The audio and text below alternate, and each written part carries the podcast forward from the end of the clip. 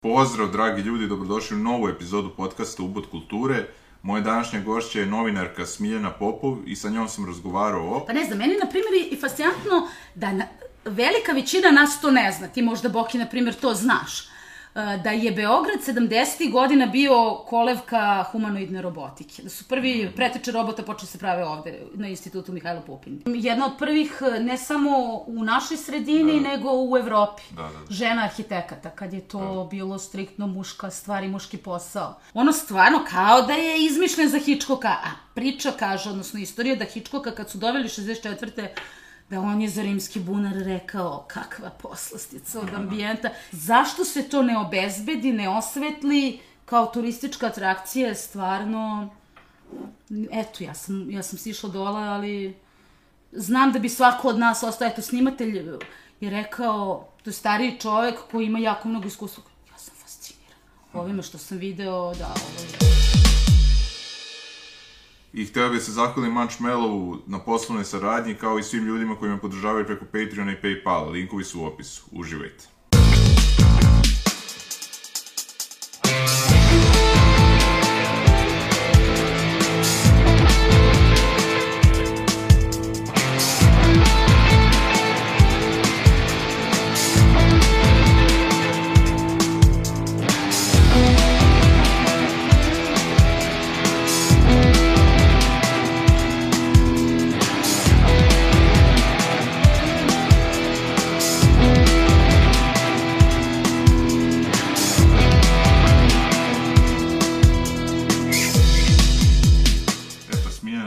Dobrodošla, hvala ti mnogo što si došla.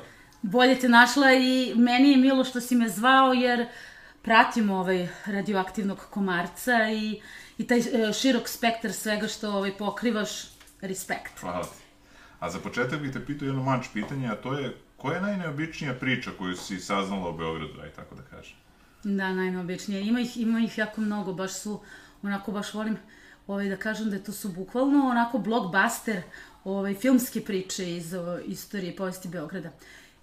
Ima ih dosta, ali po meni najfilmičnija, uh, za koju mi je pravo čudo i potpuno mi je nejasno da se neki reditelj nije dočepao te priče, što ne znači da posle tvog podcasta možda neće, jeste da se grupa od, ne znam, 5-6 nemačkih vojnika Wehrmachta za vreme drugog svetskog rata, kad su ih slali na, u Grčku, na front, uh, da je dezertirala u sred Beograda zato što su antihitlerovci i antifašisti, jer su hteli uh, da pređu u partizane.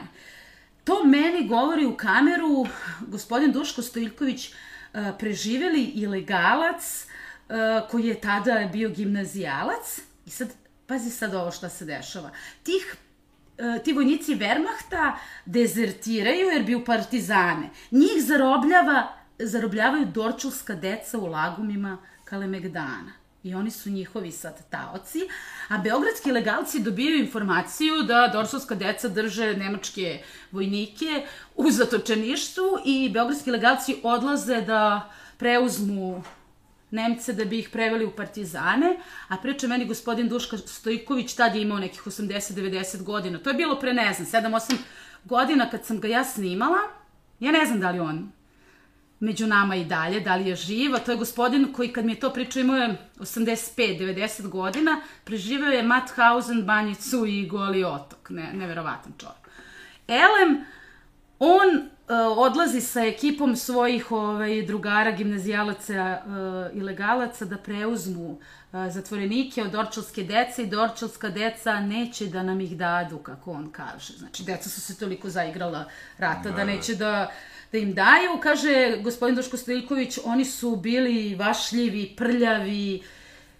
Ja sam ga baš pitala, jeste vi njima verovali da su oni antihitlerovci? Da, da, verovali smo im i, kaže, okupali smo ih i nekako otrgli od te ovaj, dorčalske dece i preveli ih posle. Prvo su ih, kaže, po vračaru e, štekovali po nekim stanovima, onda je bila i neka nemačka racija gde su Kaže, premrli su da li će ih naći, na kraju su oni završili, eto, u partizanima. Meni je to ta priča o nemačkim dezerterima u sred Beograda potpuno čudesna, da. vrlo. Pa I Potpuno. ostali su neki natpisi od, i od drugog svetskog rata po zgradama raznim. Jeste. Po Beogradu. jeste i grafiti. Evo sad sam se skoro ovaj, spuštala i do dno, ne, ovaj, na dno nemačkog ovog, bože, rimskog bunara, pa grafita koje kuda ovaj, baš iz i ovaj, nacističkih, a s druge strane iz vremena drugog svetskog rata, ono provereno min njec, Da, tamo da, gde da, što da, je da, očišćeno baš od mina postoji da, Da, da, da. i dalje, da. A reci mi, koji ti se period onako, da kažemo, najviše dopada iz istorije Beograda, da kažem? Šta misliš koji je bio najlepši period, aj tako? Pa meni lično, ja sam nekako sentimentalna na ono zlatno doba kad je Beograd bio svet, kad su nam Beogradom šetali i Laurence Olivier i Kirk Douglas i e, pevali Armstrong, Louis Armstrong i Ella Fitzgerald u domu sindikata i Warholova Merlinka gostovala u muzeju savremene umetnosti. Meni to potpuno, da, i Elizabeth Taylor visila ovde i Sofia Loren jela gratinirane palačinke. I sta- raskadarli. Apsolutno, da. Bukvalno mi je to jedno gotovo mitsko vrijeme koje nekako sam mnogo ponosna na Beograd. Pa da, e, Beogradska kosa je bila četvrta premijera na planeti. Dakle, posle Da. Broadwaya svega par ovaj, e, najjačih e, pozorišnih scena na svetu i eto četvrti Beograd. Pa, ne znam, To je bilo 69. jeste. I tada Ovaj, su se otimali, ja mislim, u preleta, da su teli su njega, Jeste, međutim, jeste. kakav je on bio ovaj, bojem i... I disident da, Da, nije... nije hteo. Jeste, tako je. Ali nekako mi je to vreme, ili kad je vreme kad je e, diskoteka kod Laze Šećera otvorena, bila je prva na potezu od Trsta do Vladivostoka, znači posle, ne znam, Berlina, Londona, Pariza, Milana, eto, Beograd ima diskoteku 50. godina, tako da sve to danas kad slušamo, tako uzdišem i baš mi zvuči mega mitski neko vreme, tako da ne znam, eto to mi je ovaj, kao i ne znam, Beograd između dva rata kad je baš nekako cvetao, eto ne znam, e, Beograd između dva rata, e, Josefina Baker, tada crnačka diva broj 1 na planeti, 29. dolazi u Beograd i čub, kupuje svilene čarape u Mitićevoj robnoj kući, na primer, a Beograđani ovacije na, na železničkoj stanici je dočekuju u transu i to je vreme kad je i Rubinštajn ovde gostovao i ne znam, Ana Pavlova balerina i Ne znam, a zanimljivo je, na primjer, kad je Josefina Baker u- na toj turneji otišla u Zagreb, klerofašisti su ovaj, organizovali demonstracije i sprečili njen koncert tamo. U Beogradu je prošla sa ne, neverovatnim ovacijama i ne, neverovatno žena. Ona posle u drugom svetskom ratu je radila za pokret otpora, vozila avion, ne, neverovatno, dobila je legin, ovaj orden Legije časti i dolazila je posle u Titovu jugu više puta i u Beograd da peva, ali eto i to, taj, to vreme Beograda između dv, dva rata kad je nekako isto to, Beograd baš bio svet, to su mi neki periodi koji su mi potpuno očaravajući i, i, i mitski, ali to me nekako i e, nateralo da, da budem toliko ponosna na ovaj grad, da ga zavolim još više. Da, da. Pa baš sam pričao sa bakom pre neki dan, ovaj, ona mi je pričala o tom periodu, da kažemo, posle drugog svjetskog rata, kad su svi imali, da kažem, taj neki polet i ponovo Mhm. su gradili, i da je ta, to bilo isto jako prijatno vreme, ovaj, ta Radnih energija akcija, koja je da, jest. krenula. Da, da, da, da. kad se gradio taj novi Beograd, na primjer, to mi je jedan predivan ovaj, eh, je dekica koji je gradio bukvalno ceo novi Beograd. I onda mi je baš pričao o tim omladinskim radnim akcijama, kaže da ga najviše zapravo boli ta priča koja se spočitava da su kao te radne akcije bile da su oni nasilno regrutovani, da su morali po dužnosti. Kaže, takva laž. Kaže, oni u Valjevu treba da, da se prijavi ili da uzmu, ne znam, 120, njih dođe duplo više, oni fazon plaču zato što ne idu na radnu akciju. Jer kaže, tu su se, ne znam, tu se družilo, to se zaljubljivalo, tu su polagali raznorazne kurseve da se onako malo ovaj, obrazuju, ne znam, taj optimizam da se gradi ovaj, neka, neko i bolje vreme i novi, novi grad, nova predstavnica Jugoslavije, Novi Beograd na je tad krenuo i stvarno i dan danas, u zapravo što sam starija, svemu se više divim i tom Novom Beogradu, nekako sam, kao mislim da, da stvarno po, nismo uopšte svesni tog um, humanizma, tog socijalističkog urbanizma kakav je Pa redko koji grad je na dve reke i to je Jest. velika prednost, ono, mislim, tako da... I tako dve velike reke, jeste. Tako je, da. A tek taj Novi Beograd kako je humano građen sa tolikom količinom zelenih površina i to, besplatno uživanje građana. Ovo danas beton i daj da, ovaj, da probamo da, da usisamo sve te zelene površine, a ta, ta količina, to, to me baš nekako da kod Novog Beograda sve više kupuje. A gde pronalaziš onda bekstvo od betona? Pa na bajsu baš vo, vozim bajs i to što, ovaj, što više, da, reke, volim samski, savskim nasipom tamo da štriknem do Salaša Stremen, Jakova i to, ali ovaj, e, eto i taj savski nasip je jedno potpuno e, bilo rajsko mesto Beograda gde kao da ste otputovali zapravo se pretvorilo u, u, u taj bahati autoput zbog svog tog bahatluka i te ilegalne gradnje tih ovaj, vikendica.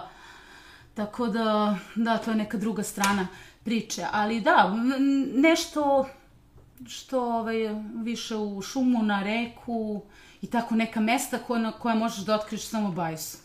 To je super. U kom delu grada si ti odrasla? E, pa ja sam, da, rođena u internacionalnih brigada i tu sam živjela prvi godinu dana u Karadžorđevom parku. A onda mi tata mi je bio vojni lekar i onda je dobio prekomandu za Čačak. I tamo smo živjeli nekih 4-5 godina u Čačku, to mi je mnogo lepo bilo detinstvo. Onda smo došli na Cerak pre nego što sam sa mojih 6 godina i od tad sam na Ceraku. I postadoh onako ovaj, strastvena uh, lokal patriotkinja Ceračka. Prosto, ne znam jel znaš, pretpostavljam da znaš, Cerak ti je i, i zaštićen kao kulturno dobro i to kao stambeno naselje, jedno od svega tri u, u Evropi kao kulturno dobro. Postao je ovaj, deo stalne postavke Njujorške mome kao humani primjer ove Beogradske škole stanovanja i socijalističke arhitekture i meni je Cerak nekako sad, što sam više starija i ovo ludo vreme u kom živim u 21. veku, sve sam više ovaj, svesna koliko sam privilegovana što živim na Ceraku. Ono je baš kao jeste da na placu je, nekom. Da, da, zeleno, zeleno. Da, da. Da. Ovaj, ne osjećate se baš kao da, da ste u gradu i to jeste privilegija, tako da i human friendly, i pet friendly, i eco friendly, tako da to je za savremene gradove big deal. A tvoja emisija, autorska Beograd za početnike, postoji od 2014. je li tako? Mhm, I ovaj, do sad je prodefilovalo dosta zanimljivih ličnosti, dosta zanimljivih priča. Ovaj, koja ti se onako izdvaja, da kažemo, priča, nekako je ono, si su zapanjila kad si čula, ovaj, Da, da, da, da, stvarno ih je mnogo i ovaj, i stalno, stalno ovaj, na što me Beograd iznenađuje, što tu, više kopaš. Obično me ljudi pitaju kao pa gde pronalaziš inspiraciju, a poenta je zapravo baš obrnuto, da što više kopaš i nečim se baviš, to se više ono vrata i stvari otvara. Pa ne znam, meni na primjer je fascinantno da na, velika većina nas to ne zna. Ti možda, Boki, na primjer, to znaš. E, Da je Beograd 70. godina bio kolevka humanoidne robotike. Da su prvi preteče robota počeli se prave ovde na institutu Mihajlo Pupin. Ti to znaš? čula sam. E, vidiš, ja to nisam znala, ali onda gro ljudi, kad tako ovaj, pričam, ne znaju za, za to. I ovaj, to mi je pričao jedan divni robotičar sa instituta Mihajlo Pupin, kaže, ti u, u današnji japanski robotičari koji su vrh svetski, e, odaju priznanje u svom radu da su svu ovaj, početnu inspiraciju i sve što znaju crpli iz te tog našeg robotičara Vuko Bratovića i te beogradske škole robotike i onda kad dođu ovde pitaju "A šta se vama desilo. Kao pravili ste, napravili ste i prvu bioničku šaku na planeti e, koja se u svim učbenicima robotike zove Beogradska šaka i napravili su prve egzoskelete pomoću kojih su nepokretni ljudi i paraplegičari mogli da hodaju prve na planeti i to se smatra pretečom ove humanoidne robotike, a šta se onda vama desilo? Kao da ste sad kako tu gde jeste. Jeste, da, da, da. Tako da, i da, na primjer, dolazi, ne znam, francuska nacionalna televizija da snima tu bioničku šaku, a mi, na primjer, gro nas pojma nema o toj... Meni je ta priča, kažem, posebno fascinantna zato što je opet negde u korak sa nekim savremenim najmodernijim dešavanjima, dobro. Za nas je modernost stala negde 80-ih. Ja sam baš, sećam se, upečatio mi je bila tvoja emisija o Jelisaveti i Nati. Mm. I uopšte, mislim, nisam puno znao o njoj, ali koliko je ta žena bila stvarno ono, uticaj na, mislim, ne samo kod nas, nego uopšte, što se tiče arhitekture, nevjerojatno. Tako je. Tako da... Jedna od prvih, ne samo u našoj sredini, da. nego u Evropi. Da, da, da. Žena arhitekata, kad je to da. bilo striktno muška stvar i muški posao. I u vreme kad je 7% žena bilo elementarno pismeno u Srbiji, sad se pojavi neka žena koja će bude inženjer arhitekture, jeste? Da. I to, a s druge strane, uh, njena životna priča, znaš, da, da, da je u da. logoru da, da. upoznala svog ljubljenog, svog da. dragog i u, u logoru rodila bebu, u tom logoru Nežider Prvog svjetskog rata. Baš fascinantna jedna životna priča, ono. jedna od mnogih, ali slažem se, da, meni jeste posebno nekako melodramska. Da, da, da, da. Pa imamo primjer i Milene Barili koja je otišla Jest. u Ameriku Jest. i tamo je odmah postala priznata, ovde nije mogla da dobiti posao. Tako je, on niko nije bio prorok u svom selu. Toga toliko, ovaj, da, tih ličnosti ima koje potvrđuju to naše zlo pravilo. Ne znam što je to tako. To mi dan danas, eto, ti znaš i sam, i sa, sa mlađim i neafirmisanim umetnicima nekad je... Onda sam radila još jedan serijal za RTS, Kliker za biznis. Znaš koliko mi je ljudi reklo, da tipa kad je došao princ Charles ovde u Novu Iskru, onda su naši političari bili u fazonu, a, kako mi ne znamo da ovo postoji, nego kad je došao princ Charles, onda su saznali da tako da, nešto da. postoji, ali su morali ovde ljude godinama da u, ubeđuju, prosvetljuju, da im objašnju, samo objasne šta, šta žele da naprave, na primjer, taj ovaj, coworking space koji je bio baš onako pionir na, na širem potezu. Tako da jeste. Nemam pojma što smo tako... Ali eto, bilo je ličnosti koje su bile voljene, da kažemo, od strane... Na koga misliš, na primjer? Pa, ajde da kad pomislim ovako, ajde da kažemo od ove, ovo sad nije neka ranija istorija, nego ova sad pre, ne znam, 20-30 godina, ovaj Gaga i Milena, mislim, oni su neki simboli isto Beograda, da kažemo. Jest. Jeste, jesu, baš su ikone, ali s druge strane, baš neko je sad skoro, da su i tu tablu neku i od nešto skrnavili, da, svi da, da, da, baš nešto nedavno i tako, tako da i to je negde naš pokazatelj koliko smo da, da, da. prema tomu generalno kulturi sećanja da, kako se smo... Zaboravi. Da, da, ima mnogo informacije nego. i onda neko ko je zaslužio da bude ispraćen, da kažemo, bolje, on samo prođe vest o njemu, a ono, i pomešano sa nekim koji je nebitan, mislim. Tako da, ono... Apsolutno, što bi rekao Peca Popović, jedan od tvojih, ovaj, gostio meni jedan od najdražih sagovornika, on je zvao te poznate zarad poznatosti, zvao medijski kaskaderi, ali bukvalno. Medijski kaskader, sad po čemu je on tu, što... Nemaš pojma, ali... Nije baš tako, mislim, kako da kažemo, valjda, valjda znamo ko, ko zavređuje pažnju, nije to da, sve. Da, da. A ovde očito sad svi su, ovaj, o pokojniku se najlepše, tek kad umru nekako... Da, za svoje ži, za vreme života yes. teško ko dobije mm -hmm. neko poštovanje, da kažemo. A mnogi su i rehabilitovani mnogo posle svoje smrti, tipa i gradonačelnik Vlada Ilić i ovaj uh, Aleksandar Kostić, naučnik, profesor, osnivač medicinskog fakulteta. Znači čovjek koji je osnivao taj fakultet, dva puta sa njega izbačen i nedavno rehabilitovan 2000-ih, tako da... A eto, Milutinu Milankovića se toliko malo zna i ne uči se ni u školama, skoro ništa, a Jest. čovek je među 15 najvećih naučnika svih vremena. Jeste, to si upravo, da. da. Nazovemo koju školu, ali da. No, s druge strane to... E da, ali imaju njegovi hangari koje je on baš konstruisao na, u Airport City-u. To sam baš mislila tom pričam, da se bavim. Da, baš stopama Milutina Milankovića, šta je zapravo od tih nekih fizičkih materijalnih stvari ostalo, da. A reci mi kad bi, mislim, tebe pitao neki stranac da mu pokažeš neko određeno mesto u Beogradu, šta bi izabrala? Uf. A mislim, možda... Kališ. da, Kališ, da, možda je kliša, ali stvarno. Evo, juče sam baš učestvovala na nekom e, panelu obrazovanje, e, kulturna baština Srbije u obrazovanju. Pa smo onda bili nas nekoliko panelisti, gde smo profesorima i nastavnicima srednjih i osnovnih škola iz čitave Srbije držali tako neku vrstu panel diskusije na koje načine mogu da inkorporiraju kulturnu baštinu u obrazovanje, koliko je to važno I tako. I onda smo ih posle toga, ovaj, onda je bilo tura, vodili smo ih na Klemegdan i ma, stvarno je ono, nekako je osjećaj, stvarno, svaki put kad staneš tamo, ono, onaj, Turci su ga zvali Fičir Bajir, breg za razmišljanje. Ti sad staneš i vidiš onu, onaj moćni i Dunav i Savu i veliko ratno ostrvo gde, ovo nije lažni lokal patriotizam, ali koji grad u svom centru grada, odnosno kilometar i pod uh, centra grada, ti imaš takvu džunglu gde imaš, gnezdi se i orao belorepan Da, da. i onakvu količinu nepatvorene, one pr- divlje prirode. I kad ono sve vidiš, nekako ti bude potpuno jasno kao na dlanu što su se tolike vojske belosvetske, što su htele ovaj Beograd samo za sebe. Nekako ti je potpuno jasno kad vidiš ono sve. Tu od Skordijska Kelta pa ono do dana današnjeg sve te vojske jasno ti je što su htele.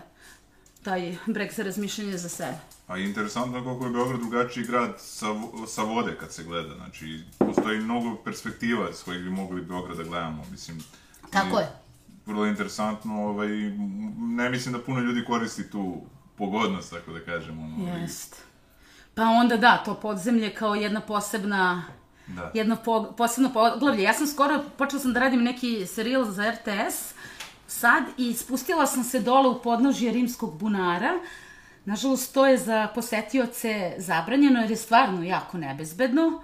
Ne znam, jel znaš kako je koncipirano, ono stvarno kao da je izmišljen za Hitchcocka, a priča kaže, odnosno istorija da Hitchcocka kad su doveli 64 da on je za rimski bunar rekao kakva poslastica od ambijenta. I ja sam stvarno, kad smo se spuštali, potpuno je neosvetljeno, imaš 212 stepenika spiralnih koji ovako idu kao molekul DNK, dakle kad bismo ti i ja krenuli s jedne i druge strane, mi se ne bismo sudarili, nego bi se našli tek u podnošju bunara na tom polukružnom uh, hodniku gde se spajaju ta dva ovaj, stepeništa i to je ingeniozno rešeno inženjerski, graditeljski, da oni koji silaze po vodu se ne sudaraju s ovima koji nose vodu, ali što silaziš dole više, to je hladno, vlažno, mračno i onda počinju zidovi da bivaju beli stalaktiti. Znači, od te tolike količine kondenzacije, tu su ono pećinski ukrasi, zidovi su beli i to sve kaplje i totalni Hitchcock. A onda sve one priče da je i Makaver zapravo i snimio ljubavni slučaj službenice PTT po tom istinitom događaju koji se desio 54. da je ljubomorni muž baci, ubio ženu svoju i bacio je telo u rimski bunar. I da su ronioci deset dana ronili i tražili e, i nisu naše, što jeste negde stvarno nejasno zato što sam, ne mogu da ti opišem koliko je bistra ta voda.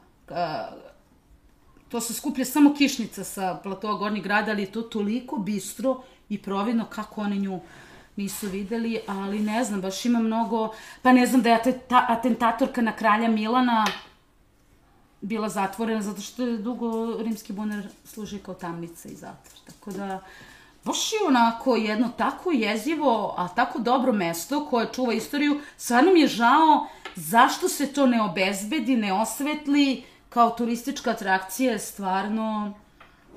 Eto, ja sam, ja sam sišla dole, ali znam da bi svako od nas ostao, eto, snimatelj je rekao, to je stariji čovek koji ima jako mnogo iskustva. Ja sam fasciniran. Ovime što sam video, da, ovo je... Znači, to bi preporučila... Da, samo ne može da se vidi. To ne može, je zato što nije... Da, da. iz šinjela Edgara Alana Poa, bukvalno. Da, da. Ono je bunar i klatno. Znači, to, potpuno je neverovatan ambijent, ali ne moš... Mi, uh, ne, mo- nije ovaj otvoreno za posetioce jer je jako nebezbedno. Da, da, da, da. Tako da, ne, ne, uopšte. I bukvalno mi je letela noga par puta, jer ono, vi, i da, i kaže mi ovaj arheolog koji me je vodio, Rade Milić, ovaj, da je, smo stvarno imali sreće da je uve, jer je on tu dolazio i sa roniocima kad su zaranjali pre par godina, pa su išli na dno rimskog bunara i kaže, naši su gomilu metalera, parica, ljudi to kao bunar želja, onako. Ovaj, da su našli neke klope na dnu bunara i tako. Ne? um, da je ve, velikom većinom godine su, je, su potopljene stepenice vrlo brzo kad kreneš da, da silaziš, tako da je nemoguće ni da se spustiš dole koliko plivaju u vodi. Mi smo sad bili, bukvalno smo se spustili do dola. A reci mi ovo Beograd ispod Beograda. Šta se tu krije? De, šta tu ima od zanimljivosti? E, pa da, to mene je taj, e, ovaj, to su, da, to je ona knjiga Zorana Da, da, Nikolića da, da. i Videa Golubovića, ovaj, koji su to, to istraživali, ali ja sam upoznala jednog arheologa, tog Radeta Milića, koji je koji ima taj projekat Undergrad, to su, ljudi su školovani arheolozi koji popisuju sve podzemne prostore u Beogradu i dokumentuju i ulaze i baš nekako pokušavaju malo i gradske oce da animiraju, jer stvarno to može da bude jedna sjajna turistička atrakcija. A opet e, snimila sam i tako neke objekte kojih više nema, koji su... Eto, za ovih osam godina koliko postoji emisija, imam par emisija gde ti objekti više ne postoje, tipa, uh, ne znam, sećaš onih piramida, one dve piramide, Da, da, da, da, da. To je tako dobar ambijent, to su nacisti zapravo pravili za vreme okupacije. Meni je bila jedna od njih inspiracija za knjigu ovaj, koju sam pisao. Stvarno? Da, da, da. I, a jesi ulazio u neko od njih? E, nis, nis. Nisi, ja? Ne.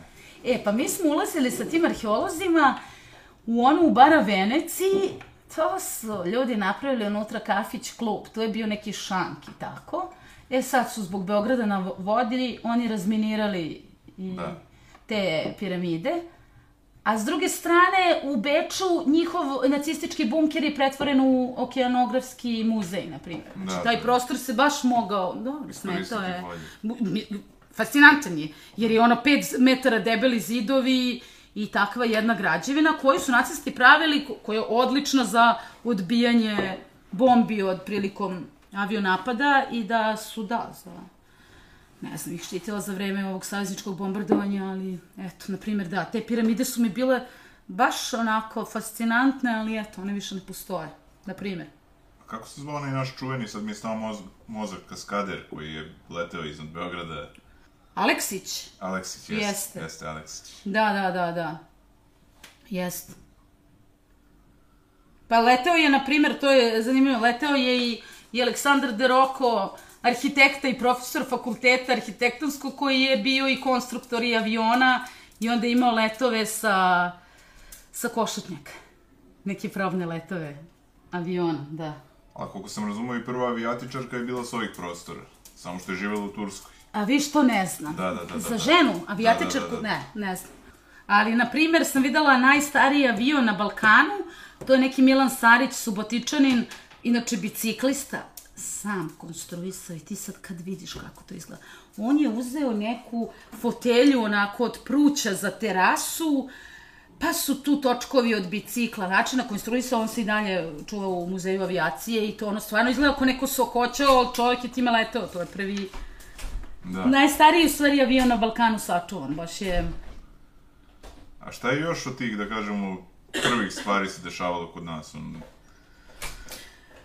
A, da, da, to je dobro pitanje, čekaj, da, to, pa onda smo imali, to, to znaš, imali smo i prvo urbano naselje, odnosno grad u nekom savremenom smislu reči u kamenom dobu, prvi grad Evrope, ima, Vinča, da, e, Brisel kamenog doba, kako to vole arheolozi da kažu, zato što je bio predstavnica Evropske unije, odnosno dokazano prvo urbano naselje koje e, Šta je definicija gradske sredine, to jest grada? Da se stanovništvo ne bavi zemljoradnjom.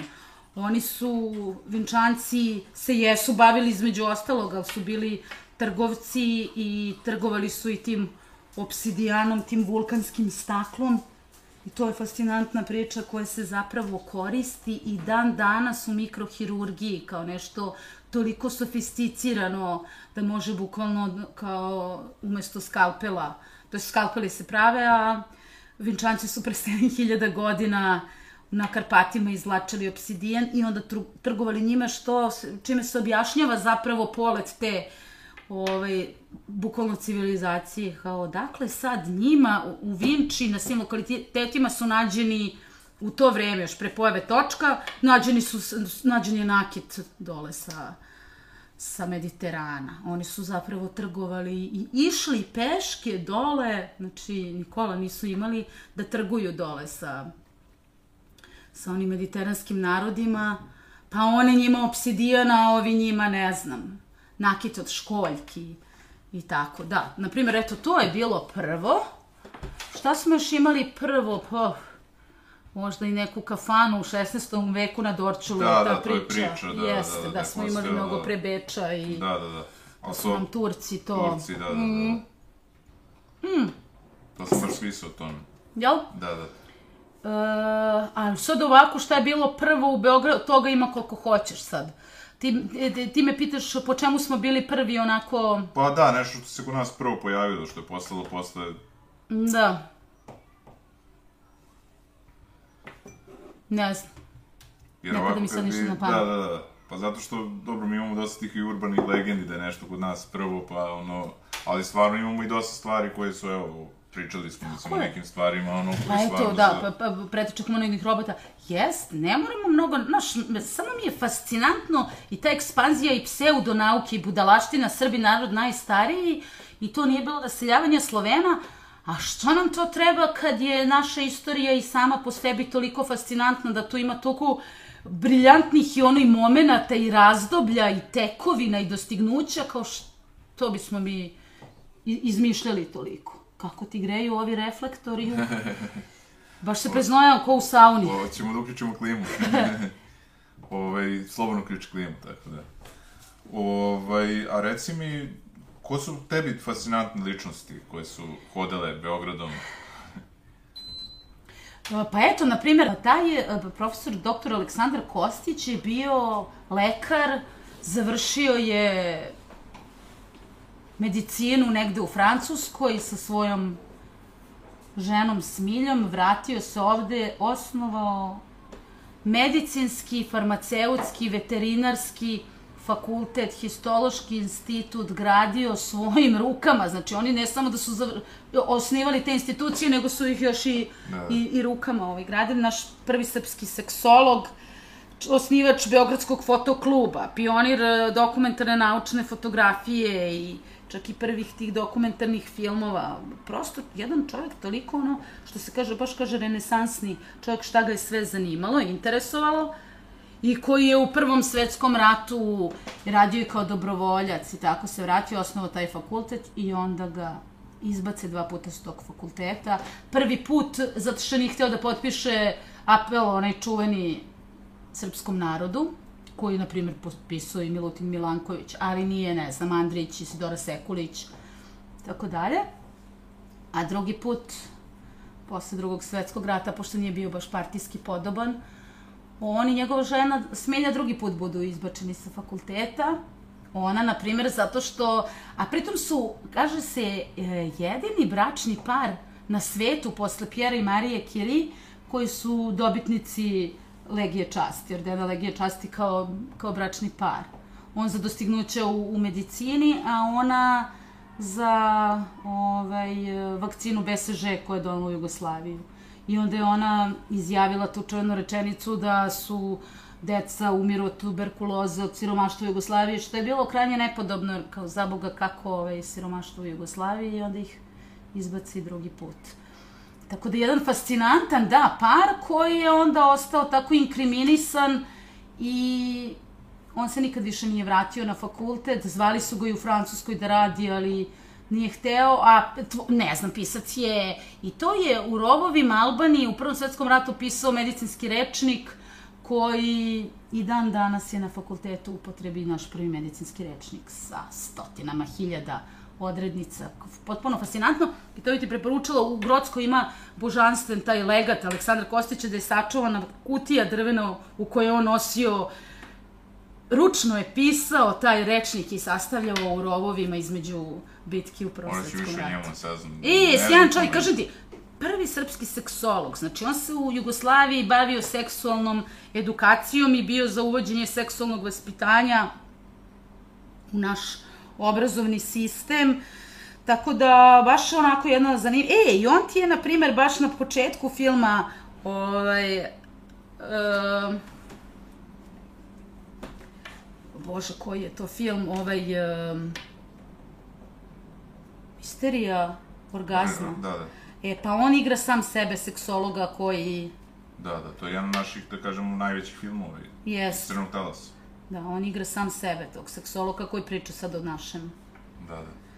Tako da, eto, na primjer, on mi je užasno fascinantan, a pritom je njegov sin bio Voki Kostić, Da, da, da, da. onaj gastronom i kompozitor da, i da, to. da, da, za njega znam, ima Da. i emisiju. Jest. Da, da, E. kulinarsku i...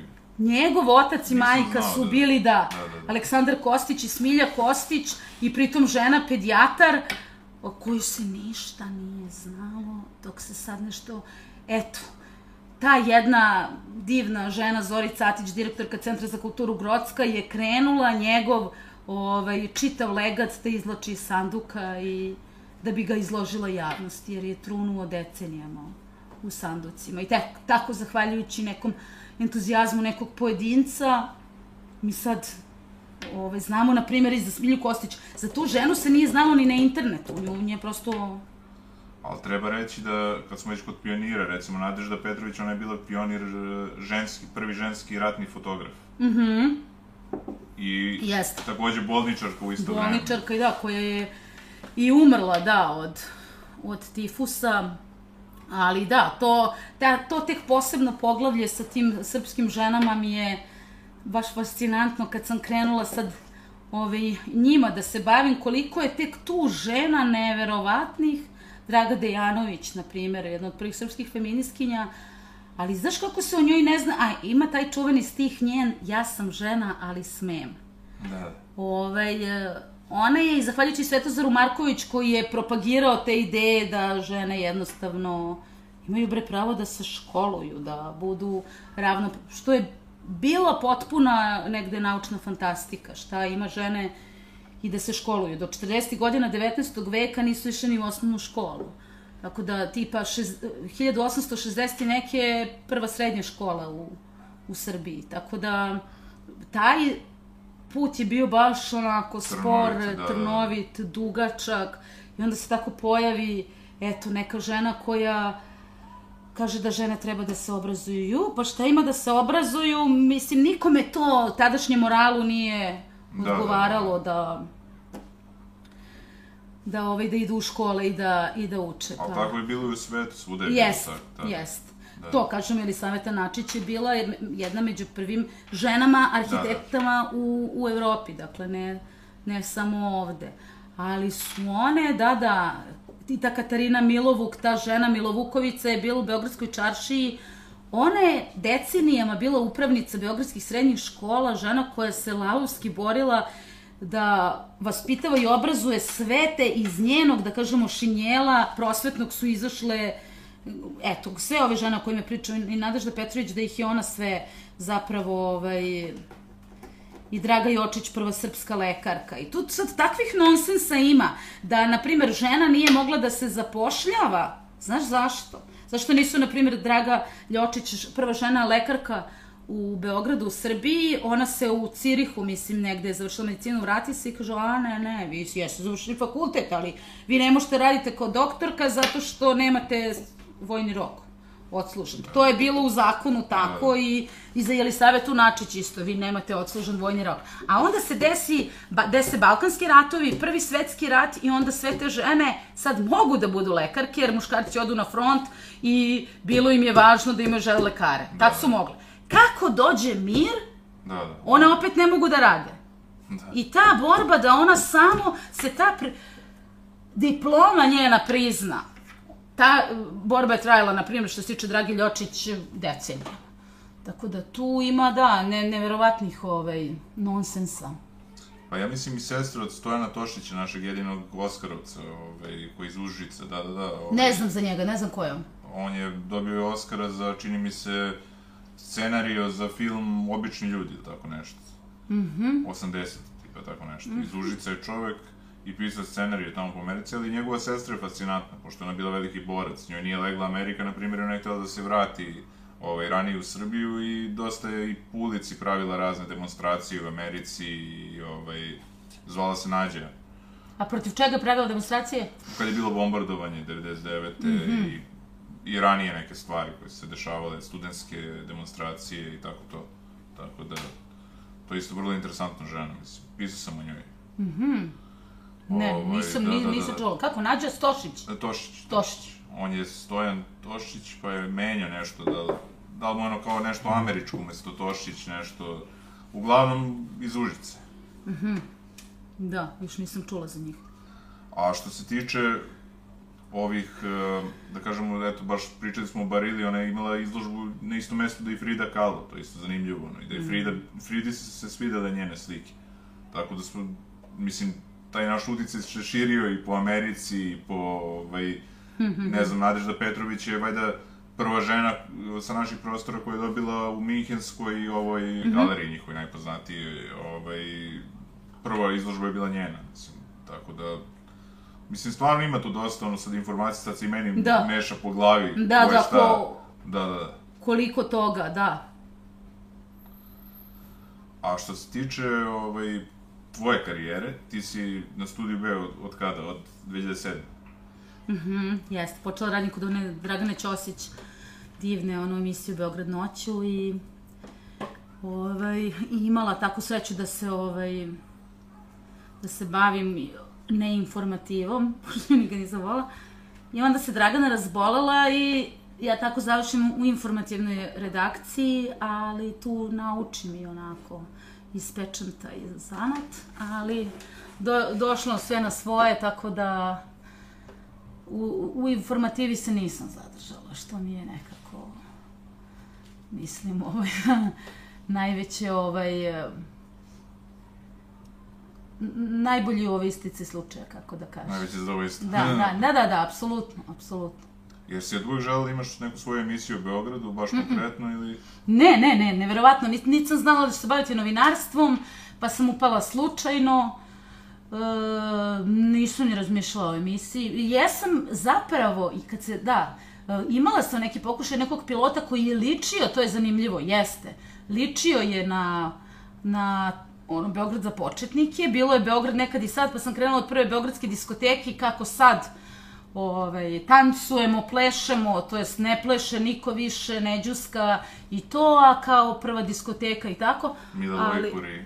Da, a ne, pre toga ovaj, Još, eh, Lokica i ovaj i kod Laze Šećera i ta diskoteka je radila svega nešto malo, možda čak i godinu, dve i onda se krenulo po čarši da se tamo se zato što su ovaj, službenici Ministarstva unutrašnjih poslova davljivali da se tamo ovaj, okupljeni ljube i nije to bilo baš dobro za javni moral i tako.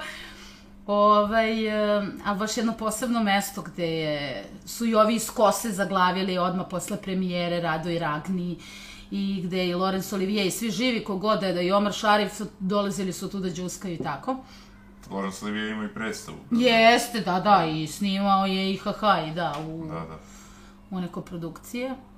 Da, vidiš, jesam, imala sam pokušaj, ali nešto nije se uredništvu ovaj, dopao, ali došlo da nekako samo od sebe, a bilo je vrlo logično. Da. Kao slučajno, ali logično. Pa jedna od redkih emisija na televiziji koja vredi, po mom mišljenju, stvarno. Mnogo ti hvala. Ha.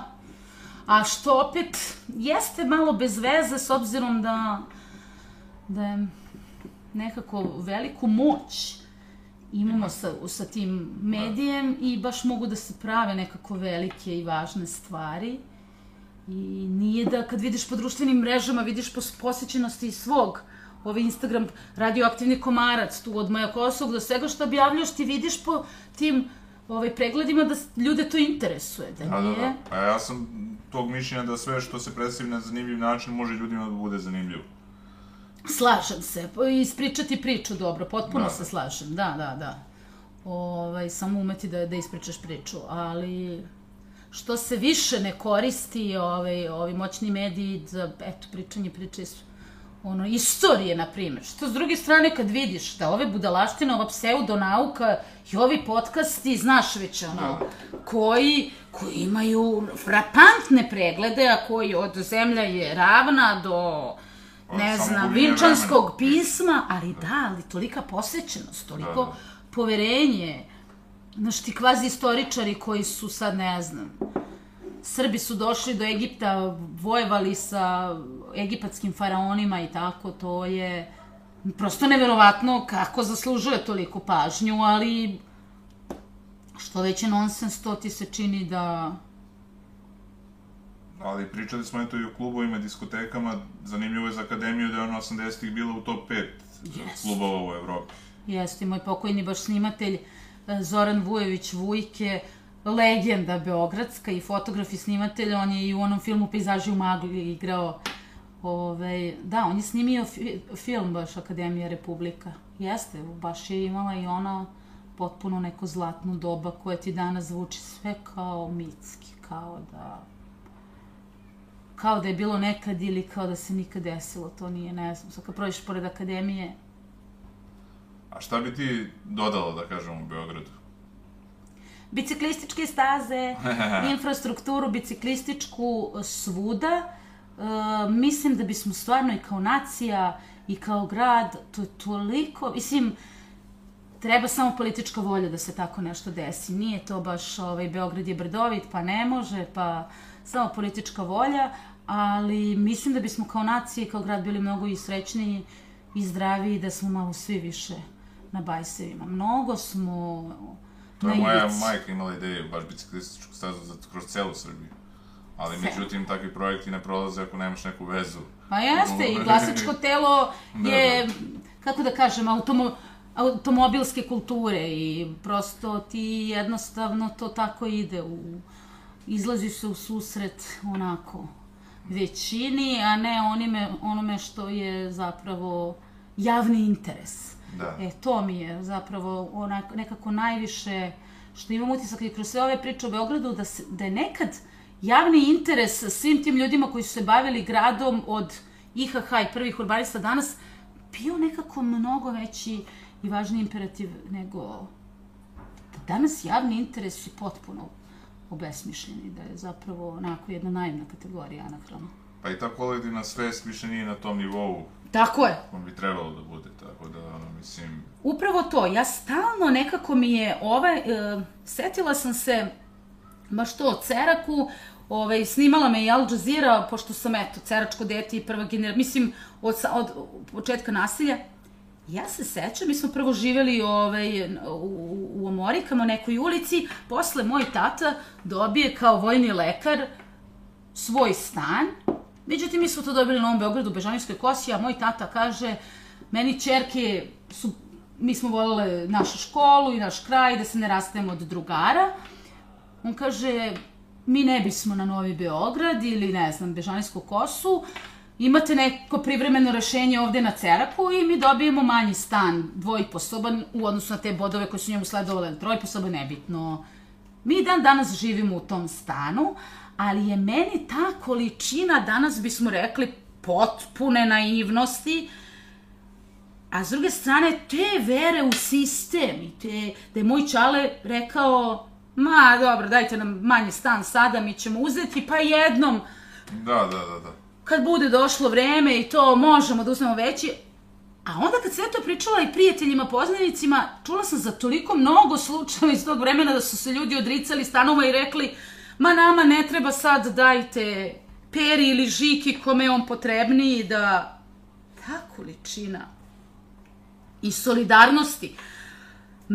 Mene to potpuno ne znam, Sad se svađaju Da. oko toga kako neko produži, ne znam, metar stana, ništa ne sme... Ma ne tako je, ili bilo šta tvog psa, Da, ili da, da, da, ne da. znam zbog če... A nekada su se baš to odricali Da. većeg stana ili stana, zato što ta količina i solidarnosti i skromnosti i poverenja u sistem kao pa dobro, meni ne treba sa toliki stan, ajde. I eto, mi smo i dan danas ostali u tom manjem stanu, ali eto, to mi je samo jedna kao ilustracija u kakvom smo svetu živeli i koliko danas kad vi to ispričate nekim mlađim generacijama, to, to stvarno zvuči ne kao anahronizam, nego kao potpuna retardacija, potpuni... Mislim da je dobro obrazovanje, zato što Yes. mnogi ljudi kada bi više, da kažem sad, možda zvučim kao neki ono, ne znam, mudrac, Dekica, da. da ili ne znam šta, ali kada bi više čitali, kada bi više tako tim nekim stvarima se bavili, gledali dokumentarce, manje bi brinuli o nekim trivialnostima i banalnostima i onda njihov život ne bi se sveo na to da komšiji bude gore, nego da ono, i oni nauče nešto kroz te, da kažemo, knjige i sve i o sa, saosećanju i mislim, tako da... Slažem se. Tako da, E, slažem se, meni je to, to pitanje kao znanja i obrazovanja, tu, ključ ti je u svemu tome. Tim ljudima ne možeš ni manipulisati, s druge strane, E, Što smo mi toliko građanski i civilizacijski infantilno društvo, što to baš to počiva, da koje su naše građanske odgovornosti i dužnosti, gde nam je građanska hrabrost, odvažnost da se borimo, da sačuvamo parkić ili da kažemo investitorima nama, nama ne treba to. Mi želimo park za decu ili mi ostavite nam...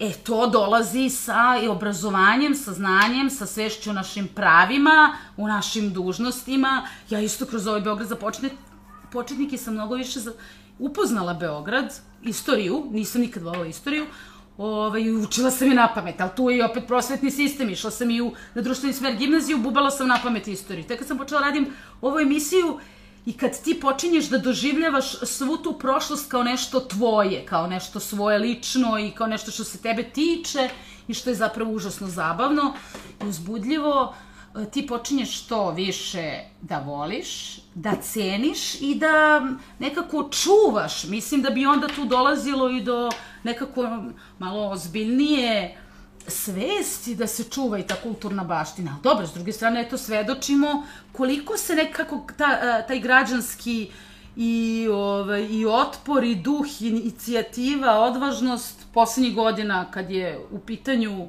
neka lokalna inicijativa, to me nekako baš budi onako i nada, optimizam, ali to je, mislim da ima veže sa prosvećivanjem, da mi moramo nekako da krenemo malo ovaj, i sami da da idemo malo u školu ovaj civilizacijsku. Ja to kad sam bila prvi put u Berlinu, da, tad sam i dobila ovaj sebi sam rekla kupit ćeš bicikl kad se vratiš u Beograd da budeš turista u svom gradu da se ovako lepo osjećaš.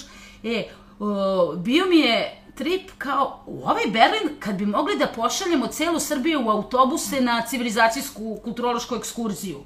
Da vide toliko različitosti, toliko konfesija, toliko obučenih ovih ili onih toliko manjina na jednom mestu da počnu prosto, da se malo ljudi opuste. Ja mislim da e, donekle to naše palanaštvo počiva verovatno i na tim sankcijama, gde gro ljudi nije ni putovalo nigde. Verovatno ima veze i sa time. Koliko koliko si šta video, šta postoji na svetu. Pa nije ono što ti nisi doživeo da ne postoji. Mnogo šta postoji što mi jadni ovde nismo doživeli, ali zato onda valjda čitamo i gledamo filmove i putujemo da viš kao kako je ovaj svet čudesan, ali da. Ali mislim da je stvaranje tih sobstvenih doživljaja nešto najvažnije u životu, da to stvara i uspomene i onda, da kažem, život ima mnogo više smisla.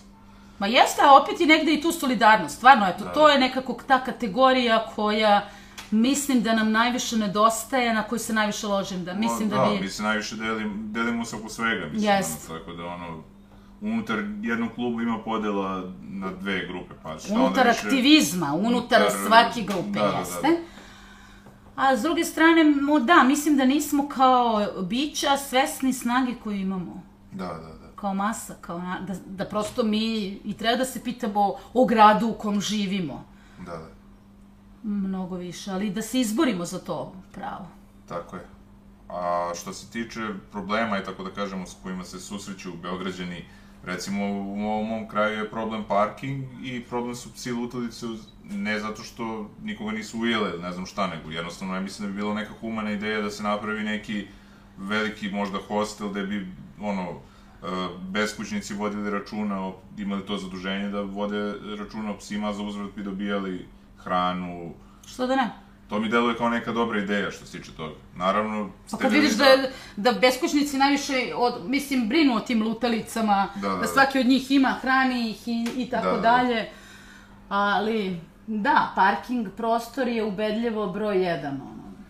Da, da, da. Poješće nas automobili. I koliko se gradi? Evo sad kad sam i došla ovde kod tebe, da. samo niče i niče i onda se samo pitam, ok, bit će podzemni, uh, podzemne garaže možda ispod, Da. ali svi ti automobili, kako će oni ovim ulicama prolaziti? Šta ćemo mi da idemo helikopterima, da se izvlačimo? Uh, I u tom smislu je to i korona i on čitao ovaj 21. vek baš pokazao da je bajs stvarno prevozno sredstvo u budućnosti. I to kao Beograd brdovit, ma ja sam na Ceraku, nije to toliko, ali da... A sve više ima i trotinete. Jeste, bravo, i treba. Prosto da vi možete sve ove gužve da, da izbegnete i još da vas ne ovaj, kontaminira psovanje i... Dobro, ali meni je ono, ajde da kažem, odlične su aktivnosti ako može čovjek trčanje i pešačenje takođe. Ono. Pešačenje, bravo, slažem se. Da, ja zbog, nisam fan trčanja, da zbog kičme, ali a slažem se. I M je, da. kao jeftino je, bes, mislim jeftino je, besplatno je, možeš uvek, Da. pritom, Ali mislim da bi metro ipak ono stvarno oslobodio veliki prostor. Ono, Apsolutno. i Ovo mnogo nije mali grad. Mnogo bi, mnogo bi pomoglo stvarno. Kad bi postojao metro, to bi rešilo mnogo probleme, te saobraćajne i...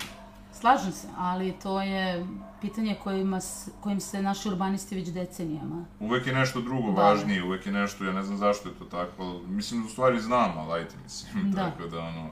Da. A reci mi, koji su tvoji planovi u, budu, u budućnosti? Šta, ovaj, da li imaš neke velike ideje, ciljeve? Ne, ovaj svet u kom živimo... Mm, ništa veliko. Ovaj svet u kom živimo je potpuno nekako te baš uverava da nikakva vrsta izvesnosti više ne postoji, za razliku od ove kad je moj tata se odrekao većeg stana, na primjer, jer nam je to bilo dovoljno i u tom trenutku vi jednostavno imate takvo poverenje u, u tu državu i sistem u kom živite da E sad, o, kakve mi planove, ambicije možemo da imamo kao i snove kad ne znaš da li, da li ćeš preteći do sutra. Ovaj, e, pa nemam neke velike planove uopšte, niti radim, počela sam da radim još neki serijal za RTS koji je, te, tako nekako su teme ovaj, e, slične, pa tribine, raznorazne ture po, po Beogradu, emisije i tako, ne znam, od dana do dana da, da nam bude, otkud znam, da nam bude lepo sa psima, e, bajsevima, neki odlazak u prirodu. Ja imam sreće, kaže, ja sam mogu da budem u Košnjaku svaki dan, e, freelancam i od tad mi je nekako sve potaman, nisam u rudniku i ta sloboda košta, skupa je, ali je nekako, tako da, da, joga svaki dan i, eto, ne znam, onako, male stvari, o, od velikih, Želim ti puno sreće u daljem radu. e, i ja tebi, i mnogo još pratilaca i Hvala. pregleda, Hvala. I hvala ti na ovom gostovanju. e, i tebi. Gledamo se nadalje.